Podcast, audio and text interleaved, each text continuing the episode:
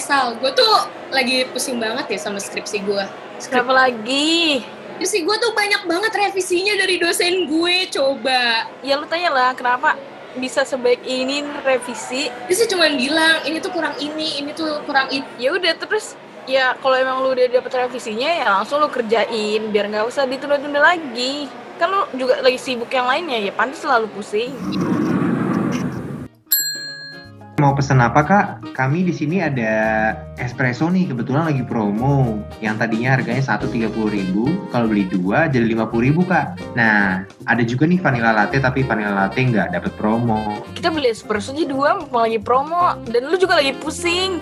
Espresso bisa bantu tau kalau lagi stres. Emang iya? Ya sih, kalau gue pribadi. Ya, ya serah lu mau pesen apa. Tapi gue mau espresso. Gue sejujurnya sih pengennya vanilla latte, tapi gue lagi nggak ada money jadi ya udah deh espresso aja. Dasar. Ya udah kalau gitu. Eh, berarti espressonya dua ya kak? Oke, espresso dua ya. Atas nama siapa kak? Ya atas nama Anastasia kak. Oke, atas nama Anastasia ya. Ditunggu sebentar kak.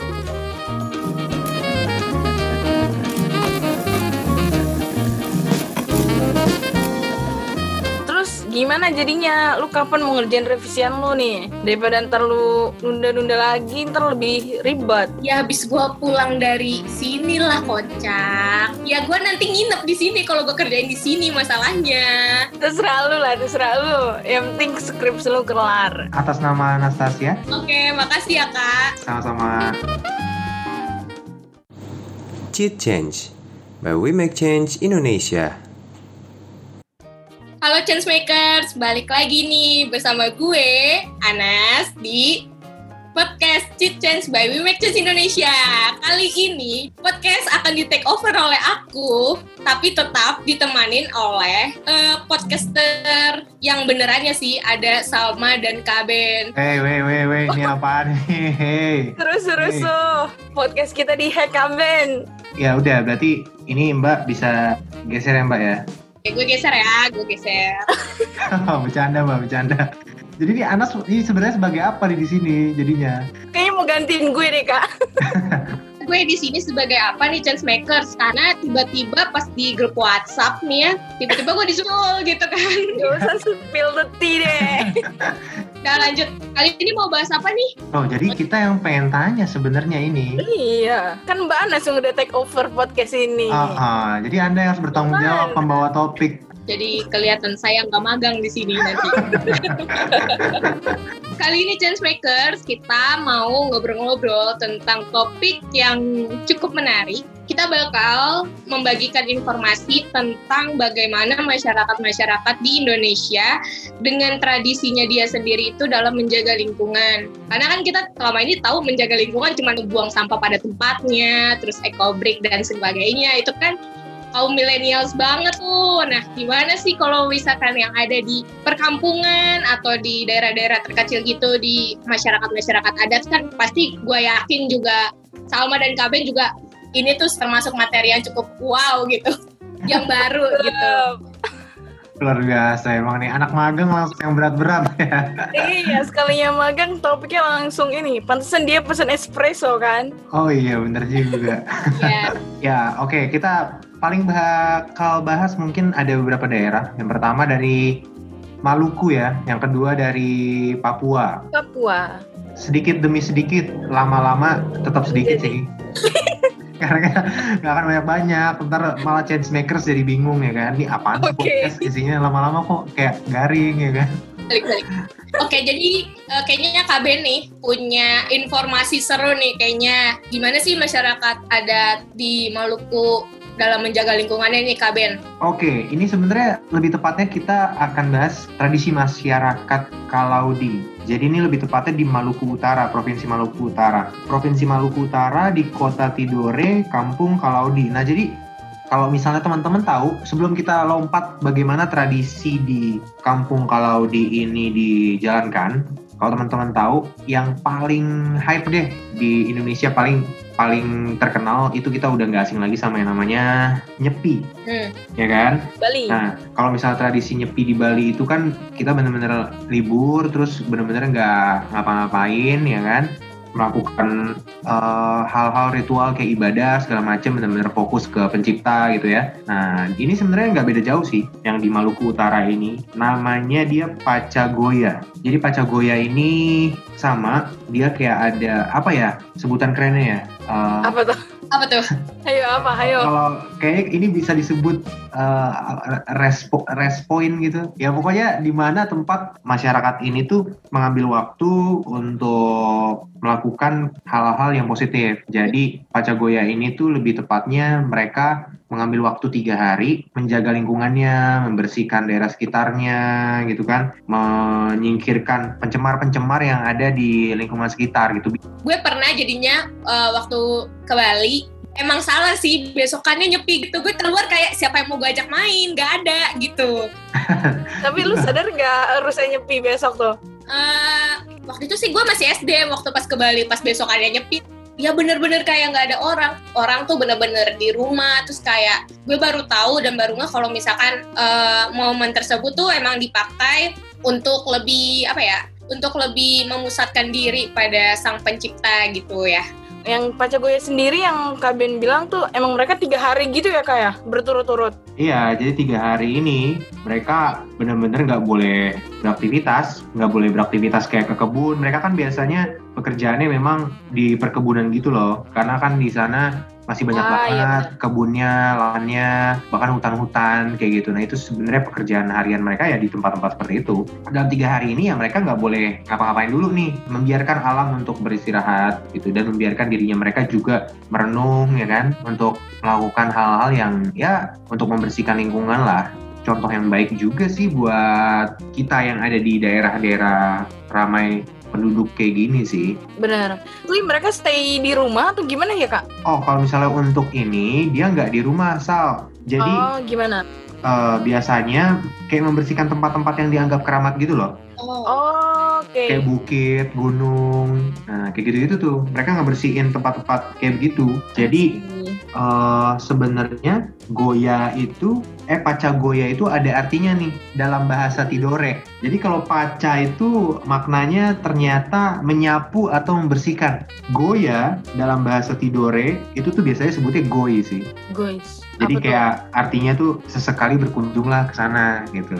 Jadi tempat-tempat yang seperti itu ya dikunjungilah agar dibersihkan, disapu. karena memang kan eh, nggak bisa dipungkiri juga ya kalau misalkan kita lihat dari histori kita juga ada kepercayaan animisme kan walaupun habis itu kan eh, agama-agama masuk ke Indonesia mungkin itu udah emang turun temurunnya emang dari kepercayaan animismenya yang ada sampai sekarang mungkin di bagian situ kali ya Yes, betul banget. Ya itulah kita ciri-ciri Indonesia kan sangat beragam. Ya bineka tunggal ika lah.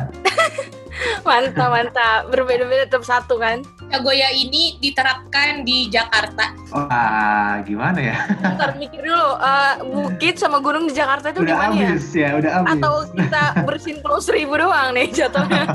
Eh tapi bi- bisa loh itu Pulau Seribu kan banyak pulau-pulau kecilnya ya kan. nggak ada kendaraan gitu loh kayak ya orang emang stay di rumah day off aja itu pasti kayaknya biru eh biru maksudnya langit langsung wow Eh tapi bener tuh itu berpengaruh waktu PSBB ketat waktu itu kan Ah, bener. Jakarta langsung Langit udaranya langsung biru gitu kayaknya. Iya, udaranya juga langsung bersih gitu. Aha, fresh. Eh tapi nih guys, ini Aha. ada salah satu juga yang harus diingat sama kita nih. Ada salah satu hal yang menarik tentang Paca Goya, tentang tradisinya mereka nih. Apalagi tuh? Kalau misalnya ada didapati masyarakat yang nggak ikutin peraturan ini gitu ya, dikasih hukuman gitu loh. hukumannya apa tuh kak Apa tuh? Gue jadi ngeri nih.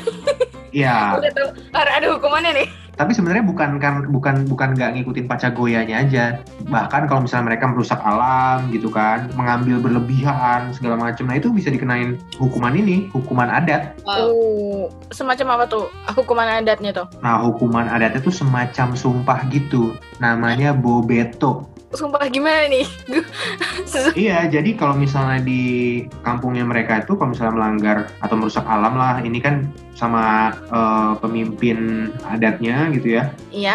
Ya udah, mereka dikasih hukuman bobeto. Nah, bobeto ini eh, diucapkan gitu, sumpah ini diucapkan. Jadi kalau misalnya bahasa Tidorenya, ucapannya tuh kayak gini. Nage daheso jira alam, Ge Domaha Alam yang Golaha Sojira Sengon. Nah, tuh kan, gue kayak habis baca mantra. Artinya di bawah ini ya. Ini podcast maaf.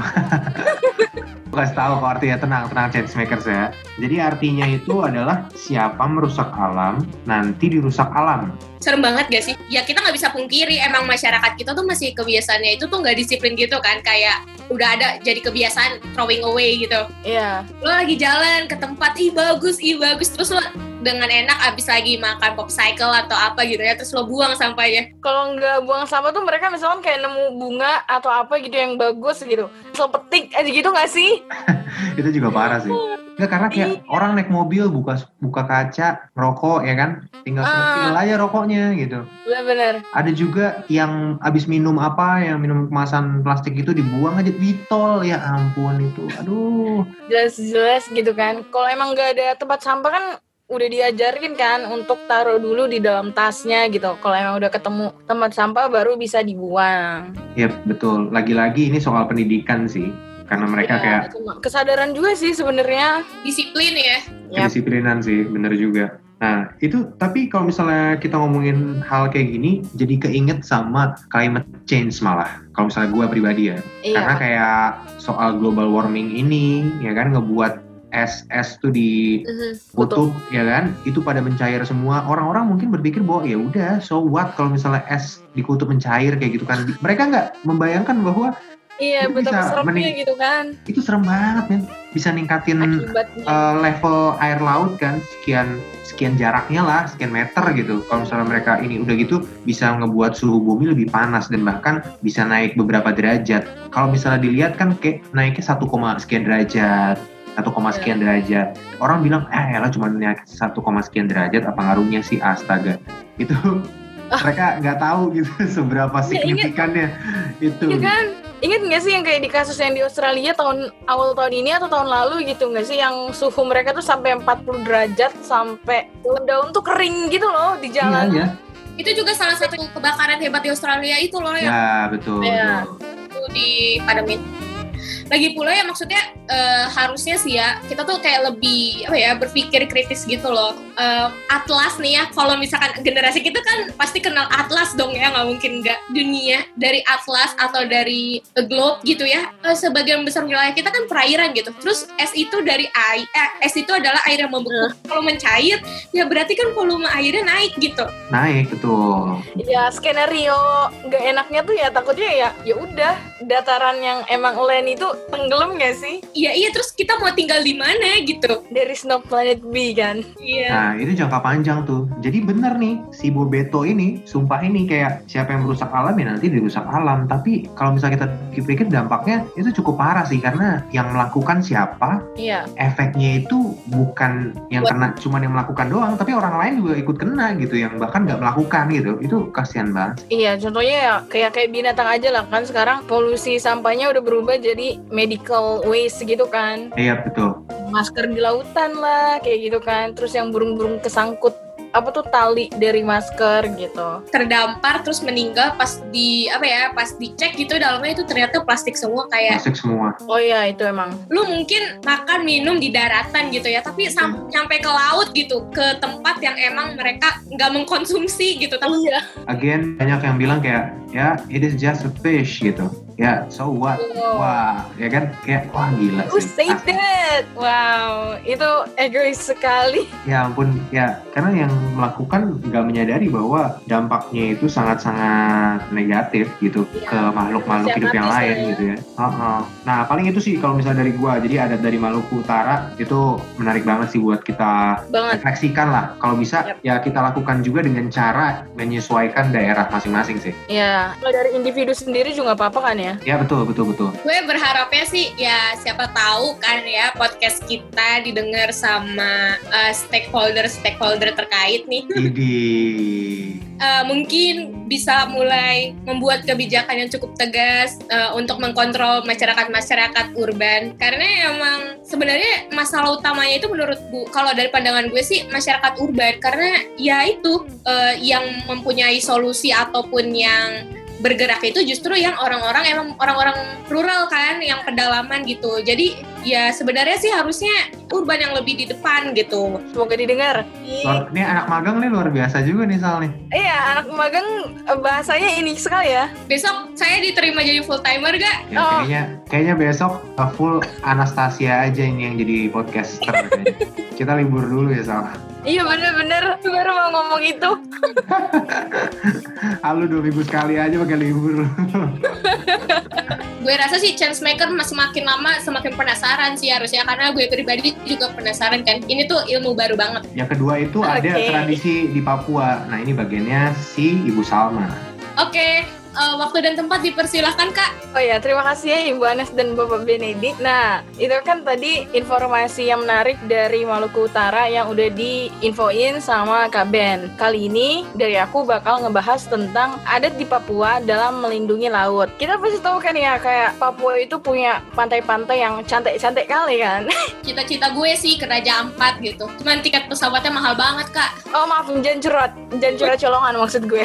Nah, jadi selain punya pantai-pantai yang cantik itu, masyarakat Papua itu punya cara yang unik berbasis lokal, selalu pasti ya, untuk menjaga laut. Contohnya itu ada namanya aturan TITiki sama Sasi Ngama, atau biasanya kita kenalnya dengan Sasi aja gitu. Kalian kalian penasaran nggak? Kalau nggak, nggak bakal gue kasih tau nih. Ya udah kita penasaran aja deh bilangnya gitu. Menghargai. Oke baik, kalian gimana penasaran nggak? Kalau nggak penasaran, nggak gue kasih tau juga nih. Tapi sama Salmanya enggak. Iyalah, ngapain penasaran sama gue kan? Oke oke, baik baik.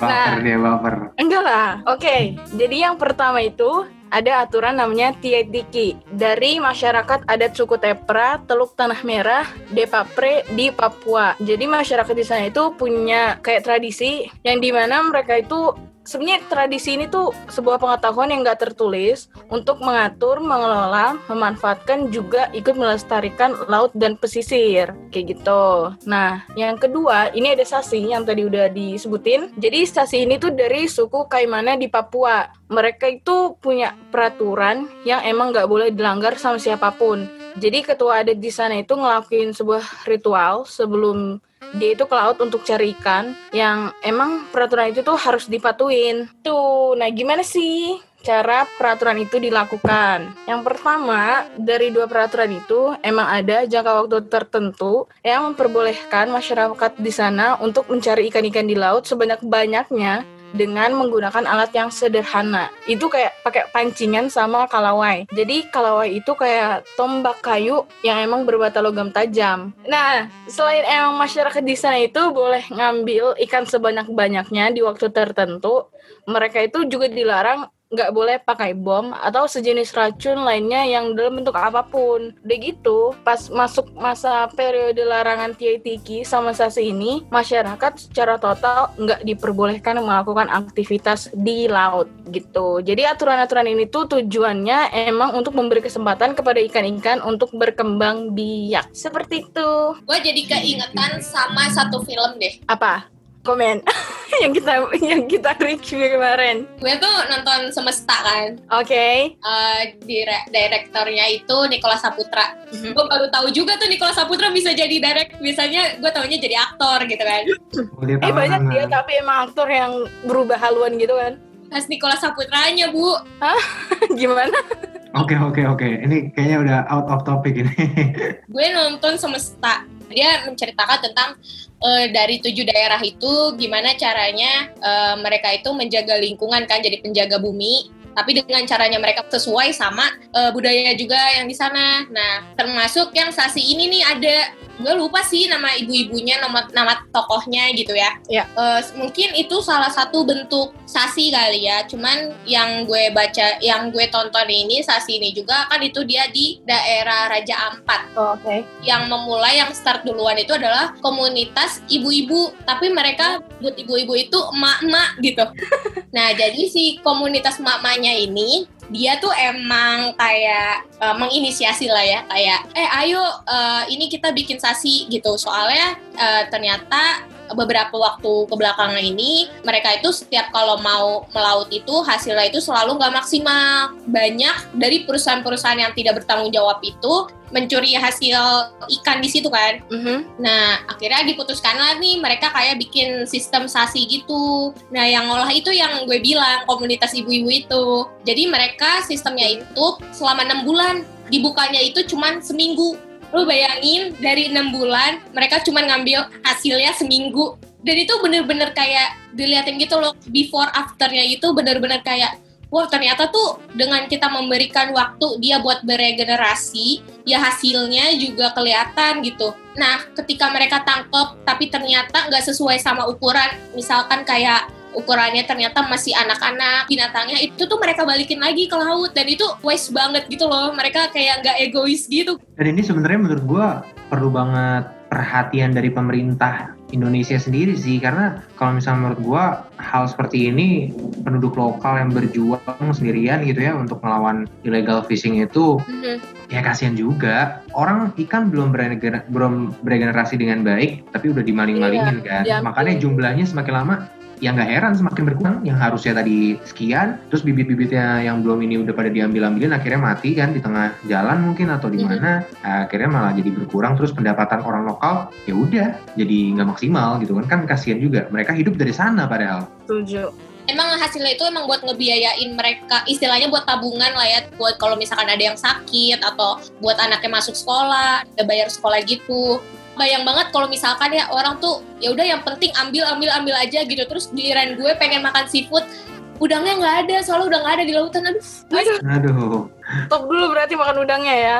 ya maksudnya ya ampun kita tuh Indonesia tuh kan paling wow gitu. Terus lu hasil tangkapannya paling miskin. Itu tuh kontradiksi coy. Gue nggak terima gue nggak bisa makan seafood Dasar. Eh iya, ngomong-ngomong untuk tadi gue lupa bilang nih, eh, berapa lama sih tradisi Tiki sama Sasi itu dilakukan? Jadi tradisi itu tuh dilakuin dua kali selama setahun. Nah udah gitu, yang langgar itu pasti bakal tetap dapat sanksi sosial kayak yang tadi Kabin bilang untuk Pacagoya. Nah kalau untuk Tiki sama Sasi ini mereka bakal disis- disisihkan oleh adat dan juga dilarang lagi untuk pergi melaut itu sebagai hukuman untuk mereka yang emang langgar aturan itu gitu. Dan kok bisa tahu sih siapa aja yang langgar? Kan nggak istilahnya kan itu kan laut ya, nggak bakal tahu juga gitu ngelanggar gimana. Nah, jadi ketua adat di situ tuh emang udah ada kesepakatan, persetujuan sama masyarakat di sana. Jadi mereka tuh kayak ngebuat polisi penjaga laut gitu. Jadi emang pasti distrik juga untuk biar nggak ada masyarakat yang bandel ngambil ikan sembarangan udah gitu sama yang pakai bom atau racun kayak gitu. Jadi emang ya distrik banget lah penjagaannya biar nggak ada yang langgar juga kan tapi lu salut gak sih sama masyarakat situ gitu? Pasti. Ide dari dia inisiasinya juga dia terus yang menjaga juga dia gitu. Bener-bener kayak jadi mereka yang emang take real action banget nggak sih untuk ngejaga lingkungan gitu kan? Apalagi laut. Ya oke lah emang mereka tinggalnya di dekat laut atau pesisir gitu kan? Ya ya salut sih bener. Karena mereka gini sih kalau yang kita lihat mereka itu kayak udah punya tradisi turun temurun gitu loh yang udah dijaga sama mereka dan mereka ya bisa juga sih. sense of belongingnya tuh kuat banget rasa memilikinya bahwa ini punya kita gitu loh. Hmm. Jadi itu yang harus dijaga itu yang harus dilestarikan mau tahu arti gotong royong tuh dari situ kali ya? Iya bener. Memang Emang makanya ngerasa memiliki gak sih suatu hal itu? Jadi bener-bener jaga ketat biar nggak rusak. Betul kalau misalnya ya kita nggak bisa pungkiri sih memang daerah daerah terpencil seperti itu justru malah lebih peduli dibandingkan daerah perkotaan gitu ya. Memang nggak semua sih masyarakat di perkotaan itu yang nggak peduli. Kita nggak bisa menggeneralisasi juga tapi ya mostly masih banyak ternyata loh yang nggak perhatian akan hal itu gitu. Makanya kita di sini ya sesama change makers ya harus ngingetin nih buat teman-teman biar tradisi-tradisi betul masyarakat kecil seperti ini ya bisa kita terapkan juga ayo kita bareng-bareng terapkan di perkotaan gitu biar semuanya bisa saling bekerja sama menjaga lingkungan baik yang di daerah perkotaan maupun pedesaan gitu. Iya benar. Siapa tahu kan salah satu change makers ada anaknya dari kepala adat dan ngerasa dan ngerasa emang ini tuh aturannya bisa di Gue sih nggak usah nunggu jadi anak kepala adat sih, ya, ya karena kan ini kan konteksnya di lautan bu sama pesisir gitu. Ya, Enggak sih, ah, si Salma nungguin Aquaman itu, Nas. enggak Aquaman kan anaknya kepala adat itu, suku Atlantis. oke gimana lagi nih Bu Anas yang Kenapa? take over podcast ini kan aku magang di sini. Kan untuk episode ini jadi kita uh, gue sama Kabin ngasih kesempatan sebesar besarnya Enggak, gue enggak. Lu aja kali, Sal. Di, kok gitu sih nggak kompak eh males kok jadi kalian yang sekufu sih Ih. jadi si Anas ini jadi komentator ini, Sal. Ceritanya, Sal. oke oke oke Kita ngejelasin something, dia jadi komentator ini anak magang nih, satu. Gue ada sih maksudnya kayak kepikiran gitu ya. Misalkan kan kayak ya udah itu kan maksudnya kalau misal eh, kalau di daerah masyarakat adat gitu ya memang kan sense of belongingnya itu masih kuat gitu ya. Dan kita ngebahas ini sebagai anak-anak yang hidup di urban gitu. Lo secara pribadi kalau misalkan ada mitos kalau misalkan buang sampah sembarangan atau apa lo nanti dikutuk atau gimana? Kalian masing-masing pada percaya atau gimana? Kayak karma is real gitu gak sih? Ya enggak maksudnya kalau ada yang orangnya lu jangan buang sampah sembarangan nanti penunggunya ngikutin lu gitu Wow, tapi kalau untuk level itu kayaknya nggak pernah sih gue atau nggak tahu kali nggak ngerasa Oh, gue sih pribadi nggak pernah dengar ada apa namanya takut-takutan kayak gitu sih. Tapi kalau misalnya dilihat dari yang tadi tradisi-tradisi yang udah kita sebutin, ya itu ternyata kayak sumpah, sumpah itu terus ya ternyata itu real juga kalau misalnya dipikir-pikir. Mhm. Cu- cuman kalau yang kayak gitu tuh bukan buang sampah sih ya yang tadi udah kita sempet mention juga kayak kita pergi ke suatu tempat yang emang bukan tempat kita gitu. Terus kayak kita emang bertindak semaunya gitu. Mungkin kayak yang mitos semacam dari dunia lain gue agak serem ngomongnya. Kan banyak gitu gak sih? Kayak misalkan kita ke suatu tempat terus nanti pasti ada aja yang ingetin gitu kan di tempat ini kalian harus emang bersih baik-baik ya ngejaga alam terus ngomong juga Gunung sih, benar gue setuju sama Salman. kan? Gunung, gunung, itu paling banyak gunung. Temen, eh temen sorry tempat tertentu tuh pasti mungkin digituin.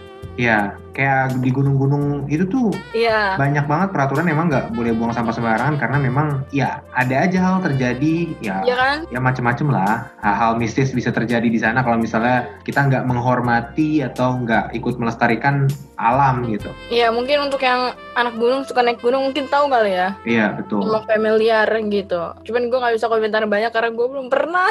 Iya, gue juga belum pernah, makanya gue penasaran, coy. Karena gue secara pribadi, aduh, gak bisa deh, jangan dulu.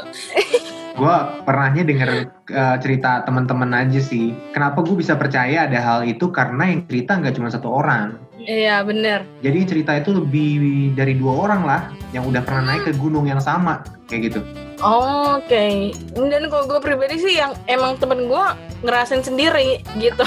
Betul betul temen gue Emang juga ngerasain sendiri kok teman-teman yang cerita sama gue itu pada ngerasain sendiri juga. Memang dalam kelompoknya itu ada hal mistis yang terjadi lah, entah ada yang kerasukan, ya kan? Entah ada yang nyasar, nggak nyampe-nyampe tempatnya. Iya nyasar sih. Sering Kasus banyaknya tuh kayaknya nyasar deh. Betul betul betul masuk ke tempat yang sama diputer-puterin ya. Iya. Wah itu macem-macem deh. ya kan kayak tempat-tempat emang yang ya emang kalau bisa jangan kita ganggu lah ya maksudnya kayak Iya. ya, gunung itu kan bener kayak krusial emang harus kita jaga gitu lingkungannya jadi dan sampai dirusak gitu kan Betul pas dicari penyebabnya kayak buang sampah sembarangan ternyata. Atau Kayak mereka misalnya buang air kecil sembarangan. Iya iya, kayak gitu-gitu. Ternyata pas dicari tahu dan orang-orang yang ngelakuin itu setelah dibereskan entah disuruh turun atau apa mereka bisa naik lagi tuh. Seunik itu gitu alam kita. Maksudnya kayak, ya ada, emang ada cerita kayak gitu, mitos kayak gitu. Cuman masalah percaya nggak percaya ya balik lagi ke individu gitu ya. Iya. tapi pesannya baik sih menurut gua Ternyata tuh, maksudnya tujuannya itu kan ujung-ujungnya kayak menjaga lingkungan juga nggak sih? Iya Iya. betul betul Kan itu maksudnya untuk kenyamanan. Hmm. oke nih guys nih Oke. kayaknya pembahasan kita udah dua tadi yang dibahas sesuai dengan perjanjian di awal Buset, perjanjian. kayak kontrak apa ya gua Kapan ya kita ada agreement ini? di sini tanda tangannya terakhir Aduh. udah ada kita MOU sekalian ya. Oke oke oke. kita mengakhiri saja pembicaraan ini karena sudah terlalu ke mana-mana ya kan Jadi buat teman-teman yang mau naik gunung, Wah. jaga kebersihan sih.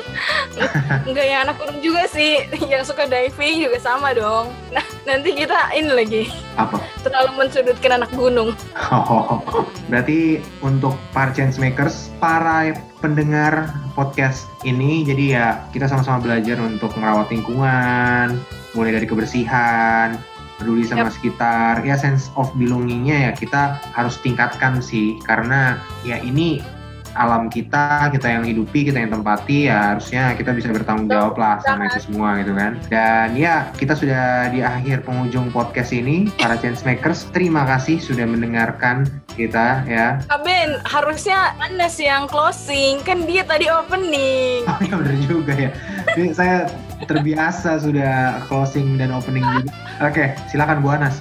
Oke, nah sebelum closing, kita bakal tetap mau ingetin ke changemakers juga berhubung PSBB di Jakarta bakal diberlakukan lagi. Untuk kalian yang emang diharuskan banget berkegiatan di luar jangan lupa untuk selalu pakai maskernya. Nah sebelum closing kita juga nggak bakal untuk lupa untuk selalu ingetin para changemakers karena emang pandemi ini masih tetap ber- masih berlangsung untuk jangan lupa tetap ikutin protokol kesehatannya. Kalau emang kalian tetap masih harus berkegiatan di luar untuk tetap pakai masker terus sama siapin hand sanitizer di tas all the time. Udah gitu kalau emang harus menggunakan kendaraan umum untuk tetap jaga physical distancingnya dan juga jangan males untuk cuci tangan. Seperti itu. Dan jangan lupa tetap follow uh, podcast ini ya. oh iya Terus ikutin kita, terus konten-konten We Make Change Indonesia itu banyak banget di Instagram, di Twitter, Facebook. Jadi untuk mengisi kegiatan teman-teman nih di waktu luang teman-teman pas lagi WFA atau apa pun lagi di jalan. Kalau misalnya memang harus WFO, kita semua bisa search konten WMCI untuk menginspirasi kita semua para change makers dan terus bisa membuat perubahan. Dan saya serahkan closing ke Bu Anas. Ya. Nah, kenapa ke Oh, saya? teman, teman, satu lagi.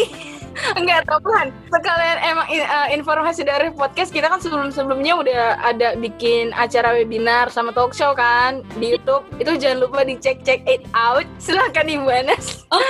Jadi aku sebagai anak magang karena sudah membuka podcast ini, diberikan tugas oleh senior saya untuk menutup juga. Eh, kita bahas segitu dulu. Tapi kalau kalian kalian eh, punya topik yang menarik buat dibahas, bisa banget nih eh, DM Instagram kita aja. Jadi kita tahu deh. Changemakers, itu tadi. itu tadi topik bahasan dari uh, untuk episode kali ini yang kita juga ditemenin dengan Anastasia sebagai anak magang di podcast. Iya betul dan akhir kata gua Ben, Salma dan Anas. Thank you Sama makers yang sudah mendengar dan akhir kata cheat change isn't just a cheat. but a chat towards a good change. Yay! Dadah. Thank you Dadah. change makers.